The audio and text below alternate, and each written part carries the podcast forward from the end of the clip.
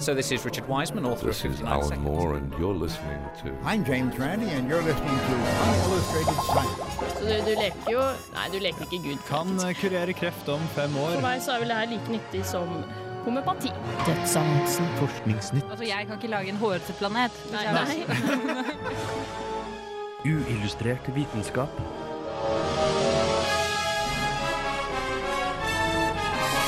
Science. It works, bitches. Hvordan vil det være om man kunne huske alt man noensinne har opplevd? En sjelden tilstand, kalt hypertymesi, gir enkelte denne egenskapen. Vi dykker ned i hukommelsen i denne ukens sending, som kanskje også vil gi deg et litt bedre inntrykk av kakerlakker.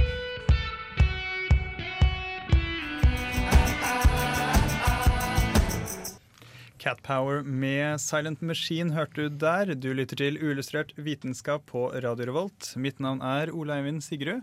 Og med meg i dag har jeg Jeanette Bø, Hei, hei. som vanlig. Ja. Bra det òg, da.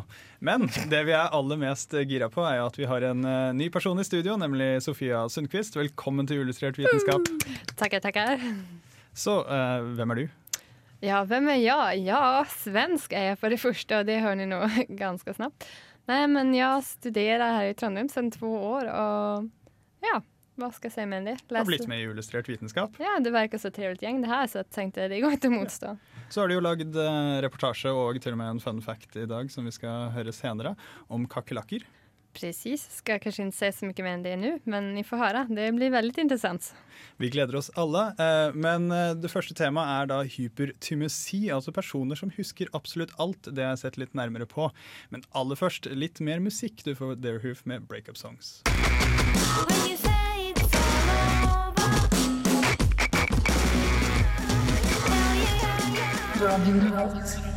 Hva gjorde du 12. oktober 2004? Eller litt lettere, hva hadde du til middag på onsdag for to uker siden? Syns det blir litt vanskelig? Du er ikke alene. Men det finnes minst 33 personer i verden som vil kunne svare på disse spørsmålene uten å nøle. Og som videre kan fortelle deg nøyaktig hvem de mottok telefoner fra 4.4.1997, og hvordan de gikk kledd en bestemt sommerkveld i 1989. Disse individene har hypertymesi, eller overlegen selvbiografisk hukommelse. De husker nærmest alle personlige opplevelser i stor detalj etter en viss alder. De er dog ikke savanter, og bruker heller ikke såkalte mnemoteknikker eller hukommelsesteknikker for å holde styr på alle minnene. Som Mary Lou Henner forklarte til 60 Minutes i 2010, de bare ser det. It's like putting in a DVD and it queues up to a certain place. I'm there again. So I'm looking out from my eyes and seeing things visually as I would have that day. Do you remember all your old boyfriend's birthdays? I'll bet Oh, you yeah. do. Not only that, the date of the first time, you know, it's like, no, I remember. Kanskje enda mer overraskende er det at personer med hypertymesi ikke er noe særlig bedre enn alle oss andre på å huske ting de ikke har en personlig opplevelse knyttet til. De gjør det helt gjennomsnittlig godt på skolen, og gjør det dårligere enn snittet på standardiserte hukommelsestester.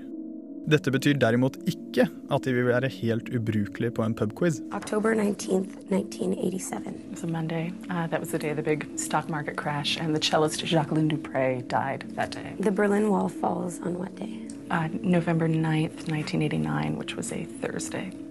Christopher Reeve's accident occurred on what day? Uh, it was Saturday, May 27th, uh, 1995. And when were the Oscars held in 1999? In 1999, Sunday, March 21st. Yes, perfect. I went to a fabulous Oscar party that day. Så hva er årsaken til disse ekstraordinære evnene? Det er fortsatt et ubesvart spørsmål. Ikke så rart, da det første hypertymesi-tilfellet, en kvinne fra New York kalt AJ, først ble dokumentert i 2006. Kun en håndfull personer har blitt undersøkt så langt, men det er allerede gjort noen spennende funn. Allerede i 2006-studien ble det slått fast at AJ hadde tegn til tvangslidelser. Og senere tilfeller har vist tilsvarende tendenser. De er alle svært opptatt av datoer og hendelser, og mange av dem er samlere. Enten det er TV-blad, postkort, filmer eller sko. Like these shoes, I wore them October, the, the first time I wore them October 18th, 2007. These I wore on uh, April the 21st of this year, so that was a Tuesday. Um, oh, these shoes I got a long time ago. Hypertymesikeres hjerner har også blitt undersøkt ved hjelp av strukturell MRI. Annet i en studie publisert i sommer gjort på elleve personer med hypertymesi. Alle personene skilte seg ut fra kontrollgruppen på ni strukturer i hjernen. De fleste av forskjellene var i strukturer forbundet med selvbiografisk hukommelse. Så eh, hva hadde dere til middag for tre uker siden? Uh, Frossenpizza. For det meste. Ok, Så har det hver onsdag? Det Nei, juks, alltid en eller annen dag i uken er eh, Tre dager i uken ja, er dedikert til frossenpizza. Uansett. Eh, hjerneforskjeller, sa du. Ja, det sa jeg. Eh, at du eh, hvilke hjerneforskjeller er det? Eh, nei, de eh, undersøkte jo da disse elleve personene, så kan jeg også nevne at de har eh, 37 gode kandidater til som de skal forske mer på. Eh, så det kommer nok eh, veldig mye mer forskning, og det aller meste av dette her blir gjort på University of California i Irvine. Eh, Går det og plukker opp folk de mistenker eh, husker for godt? Ja, eller altså Etter den første studien i 2006 så fikk de jo over 200 folk som da lurte på om kanskje de også hadde det. Så var det kun en knippe av dem som på en måte virkelig ble kvalifisert. Eh, Men eh, det er mange som på en måte også husker godt. Men eh, nå har de da undersøkt disse hjernene. Det har de også gjort noen ganger tidligere på enkeltpersoner. Og igjen så fant de da alle disse elleve. Og det stemmer også med det, vi, det de har undersøkt tidligere, med at det er disse ni forskjellige strukturer som er større i deres hjerner enn oss andre. Og eh, en, en annen forskjell er jo også at det er mer hvit materie mellom midthjernen og eh, forhjernen. Eh, men så disse strukturene som er annerledes, har gjerne med selvbiografisk hukommelse å gjøre. Men du har også en struktur som har med såkalt procedural memory, som da er gjerne vaner og ting du altså F.eks. Eh, skrive på et tastatur eller spille piano eller noe sånt. Noe. Ting du gjør, har, er en egen type minne som da bruker et annen del av hjernen. Og eh, den er da også veldig viktig for tvangslidelser. Eh, fordi der har du jo også alle disse uvanene som du er nødt til å gjøre. Altså f.eks. Ja, for låse og Er det en åpne tvangslidelse å huske, huske så mye? Går de bevisst inn for å, å huske datoene fra i fjor? Det er jo faktisk eh, en av de større eh, teoriene eller forklaringene på dette fenomenet. Er nettopp det at det er en tvangslidelse. Eh, De alle eh, har en god del eh, tegn på tvangslidelse, annet enn det rent biologiske i hjernen, med at du ser at det senteret av hjernen også er større. Eh, Men de er alle helt forferdelig opptatt av datoer og hendelser osv. Veldig mange av dem skriver eh, dagbøker, og veldig mange av dem er sånn samlere, og da den type samlere som har sånn skikkelig detaljerte eh, kataloger over alt i samlingen. Så ikke den vanlige sånn der, nei, men jeg syns jo frimerker er fine, så jeg har en bok med det. Men det er hardcore samling på TV-guider og alt som er. Og da er det mange som påstår at ja, dette her er personer som bare er så opptatt av datoer og hendelser i deres eget liv, og så føler de jo denne dagboken. Og de forteller jo ofte selv at de går ofte gjennom og sånn sammenligner dager og sånn Ja, hvilket år hadde den beste 1. aprilen? Og så går de gjennom, og så rangerer de dem og katalogiserer minnene sine. Og bare det i seg selv mener da noen er godt nok til å forklare at de husker alt. Eh, Men så, Så er det jo, men så er det jo andre som er uenige med at nei, men det kan ikke være eh, fulle forklaringen, fordi de går jo ikke rundt og bevisst nødvendigvis jobber med dette og skriver dagbok for å huske Da. Men så sier jo da de er kritikerne igjen at eh, ja, men du trenger jo ikke være bevisst på en tvangslidelse. Så det er interessant, men det er jo da forskjeller i hjernen, og da er det jo alltid det interessante spørsmålet hva kom først? Har de eh, hypertymesi fordi de har spesielt godt utviklede deler i hjernen? Eller har de spesielt store strukturer i hjernen eh, på de feltene fordi de har denne egenskap, og dermed får de områdene mer trening når de blir større? er, det, er det bestemt alder man begynner å vise tegn på det her? Eller, eller har man det alltid? Nei, det, man blir i hvert fall ikke født med det, men man utvikler det en eller annen gang. Og den, den alderen varierer. Eh, Du har alt fra den yngste som jeg leste om, eh, kan huske alle dager siden han var fem år. eh, mens den eh, som fikk de eldste alder, som av de jeg leste om, da, eh, fikk det i 18-årsalderen. Så det, varierer eh, veldig greit. Men de husker jo da ikke absolutt alt. Altså, det er også noe av det som er fascinerende. De husker ting som angår dem selv. Men du hørte jo de var veldig gode på trivia, men det er jo da gjerne trivia som har angått dem på en eller annen måte. Altså, ja, de husker jeg kjørte i bilen da jeg hørte det på radioen. Mens når du da spør dem om hendelser som skjedde før de ble født, eller før de begynte å huske ting, så selv om de har lest om hendelsen og kjenner til hendelsen, så, så er de ikke like Altså, de husker ikke alt de har lært, Nei. Sånn som folk flest. Det, ja, det må jo være litt irriterende. Når man har så god hukommelse, så på en måte gjør man det ikke noe spesielt godt på skolen, fordi å lese fag er man jo ikke noe flinkere på enn andre. Nei. Så det er absolutt interessant. Det sier jo så mye interessant om hukommelsen, da, men vi kan kanskje lære enda mer om altså, hvordan hukommelsen fungerer i hjernen ved å studere eh, deres hjerner. Det var jo en, uh, teori som ble fremmet på 60-tallet om at uh, hukommelsen funker som et eh, som et kamera og eh, på en måte filmer alt. Du har, du har alt som har skjedd, er lagret et eller annet sted, men du får bare ikke hentet det frem. Um, og de her kan jo tyde på at det kan stemme. Ja. Mm. Ja, jag tänker ju på en sak der med at uh, om man husker at selv blir man jo ofte irritert for at man glemmer saker. Man sitter og forsøker å memorere. memorere. Særlig om man Mm. studerer da, og kommer ikke husker det. Men å uh, andra sidan, de här personerna som ikke kan glömma någonting. Det måste ju nästan vara värre. Om de, alltså att det kan bli en ren plåga då. Att de forcerat minns allting de har varit med om. Absolutt. Hun eh, første tilfellet, AJ, hun eh, beskrev jo det som en stor byrde, og at det var vanskelig nettopp fordi hun, hun husker jo alt som har skjedd, og hver gang hun da trekker frem disse minnene, så opplever hun det som om det skjer nå, så hun føler akkurat de følelsene som da, så det blir helt ferskt. Eh, og at hun da ikke helt klarer å forholde seg til nåtiden, for hun på en måte konstant lever i fortiden. Men samtidig så sier jo praktisk talt alle disse at nei, men jeg ville jo ikke vært foruten. Uh, fordi altså, de, de syns jo det er litt rart da, med alle oss som driver og glemmer ting og ikke husker det. Eh, så var det hun ene Hun eh, hadde en vel, veldig interessant observasjon. eh, med at hun mente at hun levde da et bedre liv takket være dette, fordi hun, siden hun visste at eh, hun ville huske alt som skjedde denne dagen, så skal hun passe på å gjøre den dagen minneverdig. Så det, det er noe vi kanskje kan, kanskje kan lære av dem. Da, i hvert fall. Vi skal snakke mer om eh, hukommelse her i Illustrert vitenskap, men det er på tide med en låt fra Nitty Scott, 'Flower Child'. Pardon my bohemian ways. I know I act like I be stuck in a bohemian days. You said you love me, so don't rush me. Love is patient. I just need you to let me grow. Du lytter til eh, Uillustrert vitenskap her på Radio Revolt. Vi har eh, snakket en del om hypertomisi, og eh, vi skal fortsette på denne hukommelsen. Og Sofia, mens vi drev og hørte på denne låten her, så hadde du en artig bemerkning om disse. Ja, nei, men jag började på hvordan det fungerer med de her personene når de drikker alkohol. Om det da er så at de fortfarande är, har opåverkat minne när, under när de dricker alkohol. Snakker om blackouts. Precis. Ja, nei, det, det vet jeg faktisk ikke, og eh, det er det faktisk ikke gjort noe forskning på heller, så vidt jeg fant. Eh, Kanskje de husker veldig godt at de ikke husker. Ja, kanskje det. Jeg husker 3. september i fjor, for det husker jeg ikke.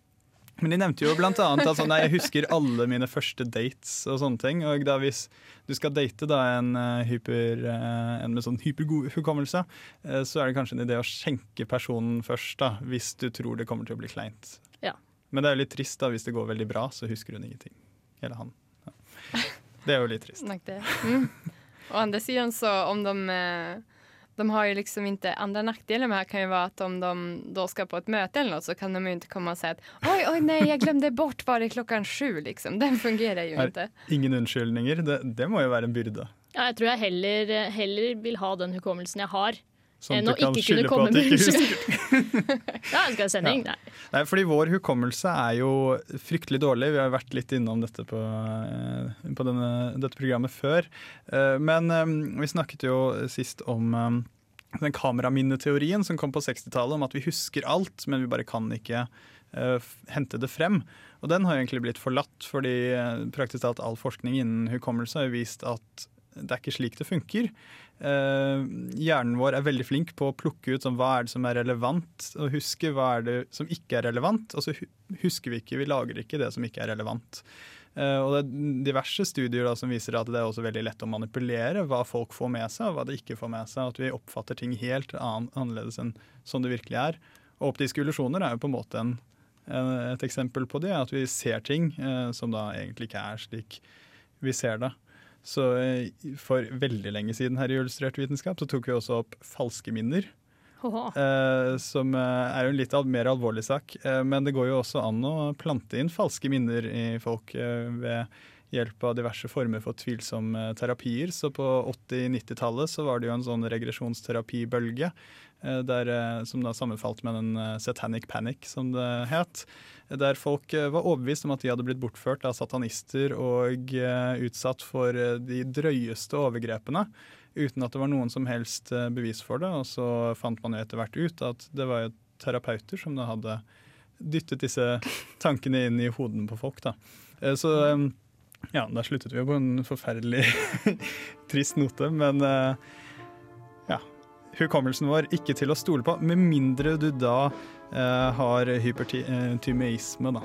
Eh, da kan du kanskje ikke bli lurt av disse regresjonsterapeutene. Da slipper du unna de. Gratulerer. Gratulerer. La oss høre på Angelicas Elegy med Veda, så skal vi høre litt om kakerlakker.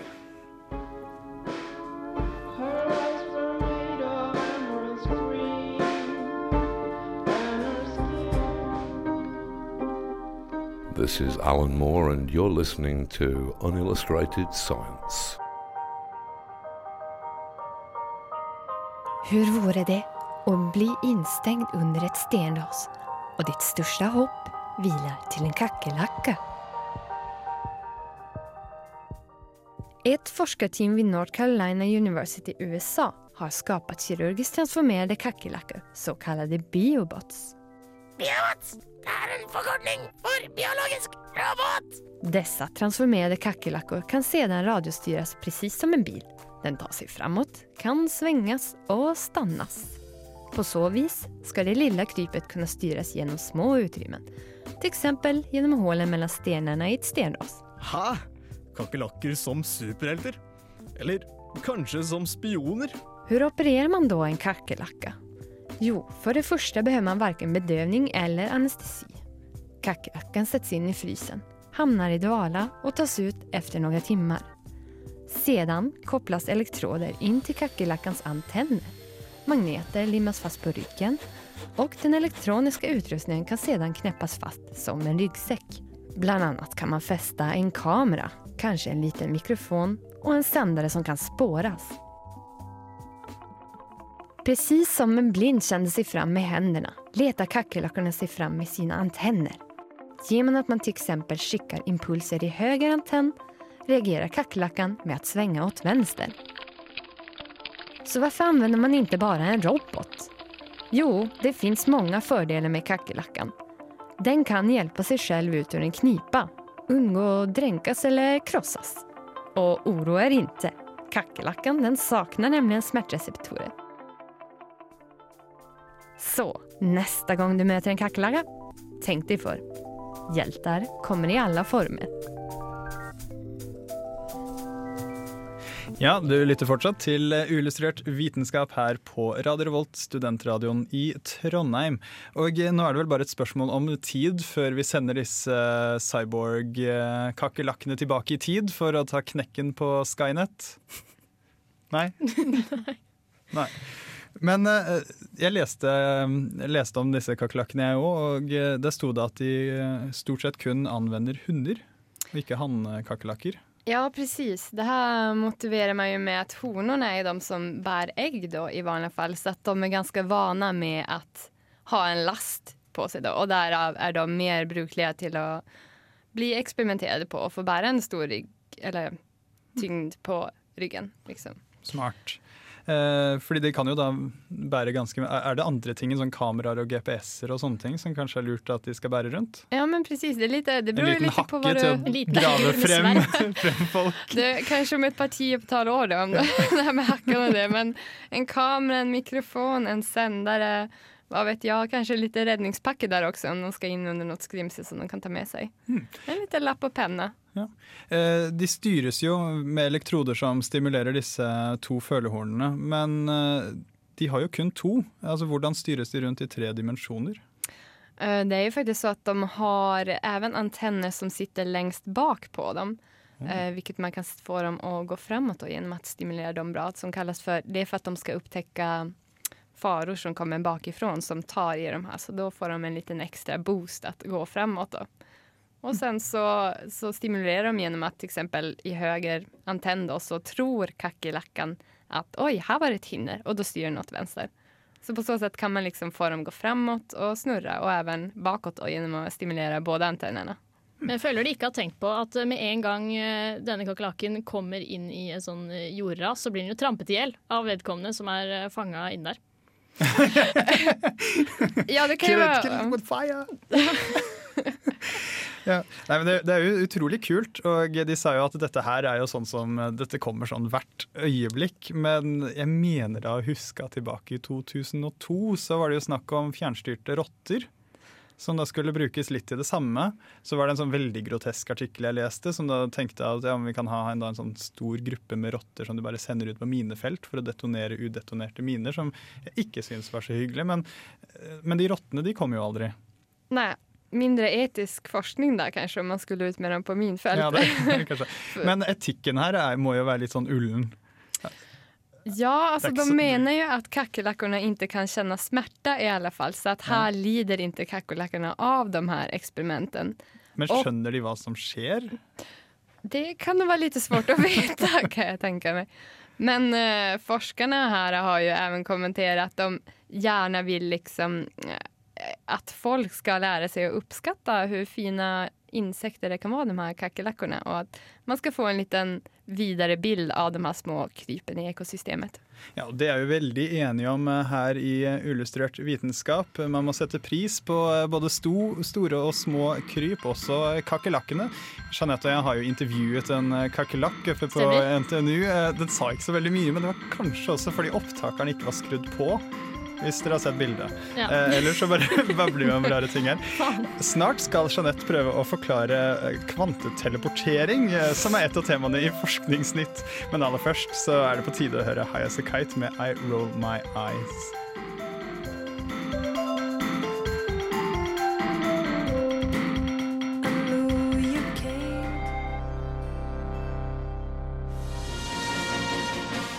Uillustrert vitenskap presenterer Forskningsnytt.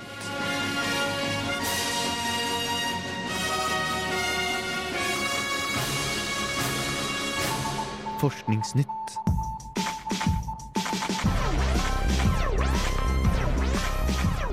Et internasjonalt forskerteam har nå fått til kvanteteleportering over 143 km, nærmere bestemt mellom La Palma og Tenerife.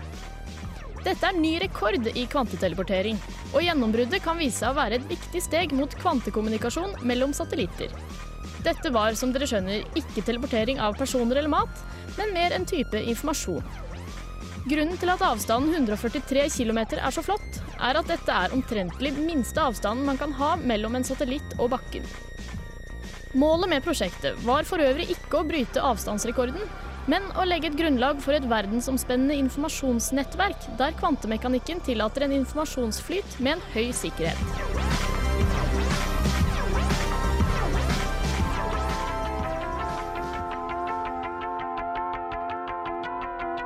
Lesere av The Guardian, eller Reddit for den saks skyld, har kanskje fått med seg at Alzheimer nå kan kalles diabetes 3. Diabetes type 3 er et nytt navn på en tidligere ukjent form for diabetes.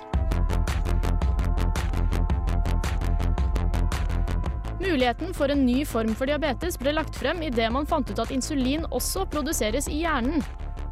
Type 1 og type 2-diabetes oppstår idet kroppen ikke klarer å bruke insulinet fra bukspyttkjertelen. Den nye diabetesformen tror man altså at fører til lave nivåer av hjerneinsulin. Forskere har sett at folk med type 2-diabetes har et protein i bukspyttkjertelen som man også har funnet i hjernen til Alzheimer-pasienter, og at redusert nivå av insulin og tilhørende proteiner i hjernen er linket til Alzheimers.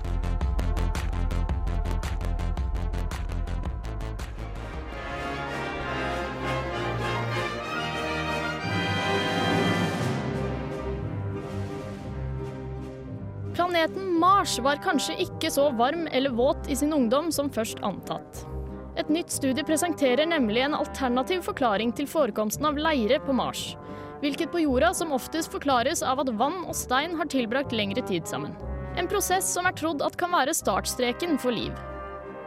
Leiren på Mars har vært et av de sterkeste bevisene på at planeten en gang ligna mer på jorda. Men nå tyder ny data på at leiren på Mars kan ha kommet fra vannholdig magma. En prosess som ikke krever stillestående mengder med vann. Dette funnet kan forstyrre teoriene om liv på Mars.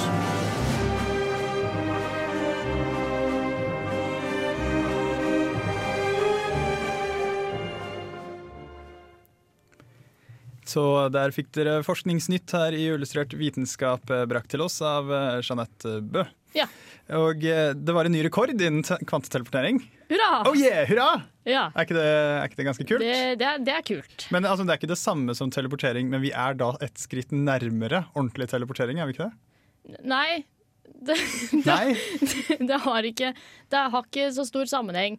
Eh, det, er, det her er sånn infoflyt. Eh, eh, og nå eh, Jeg hørte i stad at du lovte at jeg skulle forklare eh, kvanteteleportering. Eh, men det har blitt sagt at hvis du tror du forstår kvantemekanikk, så forstår du ikke kvantemekanikk. Så jeg er såpass, jeg er såpass eh, raus at jeg sier at eh, jeg forstår det ikke. Men det viktige er at de har tatt i bruk masse flotte algoritmer og veldig nøyaktige klokker. Eh, Ja. På nanosekundet, altså. Eh, eh, og så har de tatt i bruk La Palma og Tenerife. Eh, og vips, eh, så har du eh, suksess. Eh, lang eh, kvanteteleportering. Men det som er litt morsomt, er at de driver og planlegger sånn her, eh, et kvanteinternett. Det er kult. Kjempesikker informasjonsflyt. Så det er det som er, er eh, målet med det hele. Det er veldig sikkert fordi ingen skjønner hvordan det funker. Ja, det, er, det, det kom jeg frem til, i hvert fall. Eh, men det, det, er, er kanskje ikke det. Men ja. det, sikkert er det. Hmm, vi kan jo kanskje snakke med de kvantehackerne oppe på NTNU da, for å vurdere sikkerheten på sånne Ja, kvantenettverk. ja, de greier vel å hacke det der også. De hacker vel det meste. Men eh, så, så var det Alzheimer som eh, ble slått opp i bl.a. Guardian og diverse andre steder. eh, At det er diabetes type 3. Ja, det var noe, noe forhasta. Det er jo ikke, det er jo, de har ikke bestemt at det er det samme. Men det er, jo, det er jo flere studier som har sagt at Alzheimer i hvert fall er en sånn metabolsk sykdom.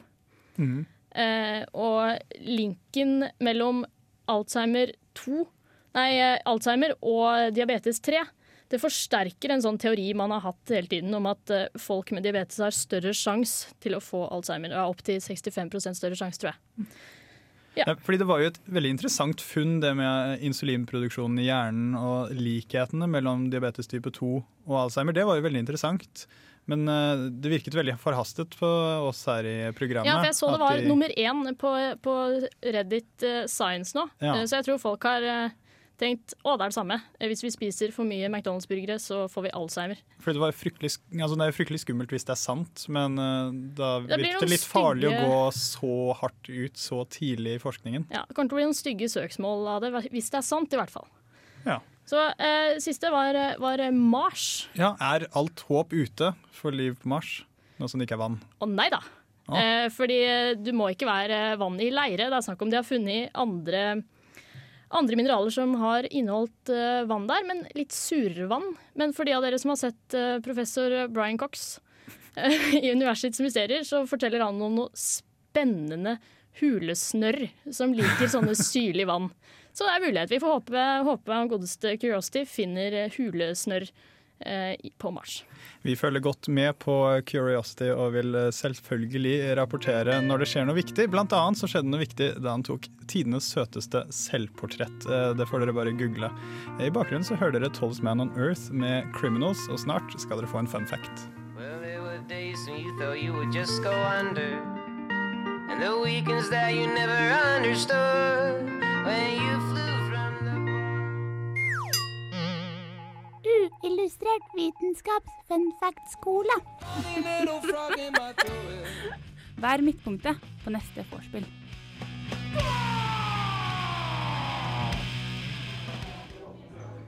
Hei, hei.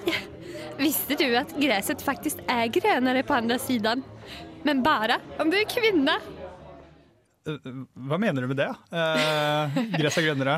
Jeg Ja. trodde kvinner led av mer depresjon enn menn, så gress er vel grønnere for oss menn? Ja, det var vel litt Nei, men det her er faktisk en logisk forklaring på det. Og det er att eh, det er forskere som har testa ut det her, forskere i USA. Som har merket gjennom diverse tester at menn krever en lengre våglengd enn kvinnor for å kunne se samme nyans. Hvilket innebærer at lengre våglängd ses jo ofte som varmare färger. Så att eh, en man kan till exempel se orange och mycket rödare då än vad en kvinna gör. Och följande att gräset som är grönt blir, får en gulare nyans för männen än vad det får för kvinnorna. Ok, Så menn og kvinner de opplever farger litt forskjellig, men eh, ser dere fargene også litt bedre? Ja, altså kvinner har bedre på å diskriminere mellom mellanfärger Og de ser faktisk også visse nyanser som grønn, blå og gul mye bedre enn hva mennene gör.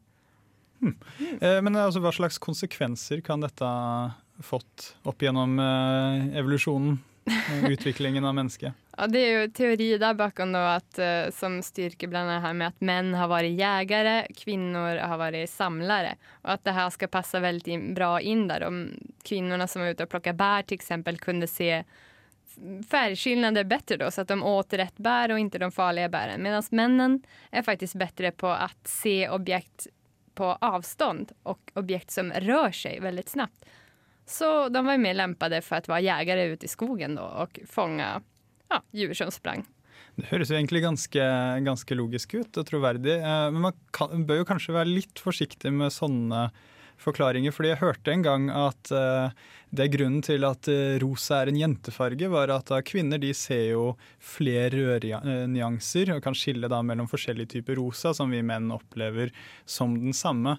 Men uh, da kom jo diverse både historikere og feminister uh, og slang litt fakta i bordet med at det er ikke lenge siden at det var guttene som ble kledd i rosa, fordi rød er jo veldig sånn kongelig eh, og flott eh, farge, og det er små gutter de kunne jo da få rosa, sånn litt det samme. Mens jenter de ble kledd i litt sånn lyseblått, eh, fordi jomfru Maria blir jo alltid vist i blått. Det er en sånn jomfruelig og ren, eh, skjør farge. Og derfor fikk jentene det. Så har det blitt snudd på en eller annen måte. Når, hvordan kom de fram til det? Nei, vi bare bytter alt vi, vi Altså kjønn, kjønnsfordeling av farger. Det bare bytter vi om. Ja, jeg husker ikke helt Torsdag 3. når det skjedde. Og jeg skjønner heller ikke helt hvorfor. Men det er vel bare en sånn rar, liten uh, motegreie. Men uh, da vet dere i hvert fall det at menn og kvinner de opplever farger forskjellig. Og det er jo også sånn at menn er jo oftere fargeblinde enn kvinner, er det ikke slik? Ja, men precis. Menn har jo i, de har jo XY-gener da, og kvinnene har XX. Och rödgrön färgblindhet den sitter jo i X-genen. Derav så er det mye enklere for at en mann kan få en defekt ja, fargesyn, da, og at det er flere menn som är rödgrön färgblinda. Godt at vi har fått en medisiner med i Illustrert vitenskap. Det skal vi dra god nytte av fremover. I bakgrunnen her så hører dere Erlend Elvesveen med 'Betal meg i sølv', og med på laget har han fått Anana.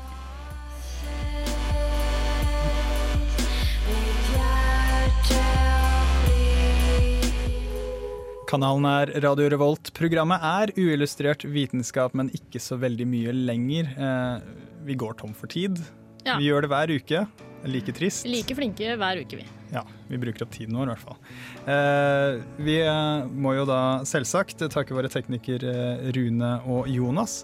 Men før vi eh, går av, så vil jeg nevne at på fredag så er det Radio Revolt Takeover på Brukbar og Supa. Eh, da skal eh, musikkprogrammet mitt, eh, Pink Noise, som spiller pop og støy, skal DJ.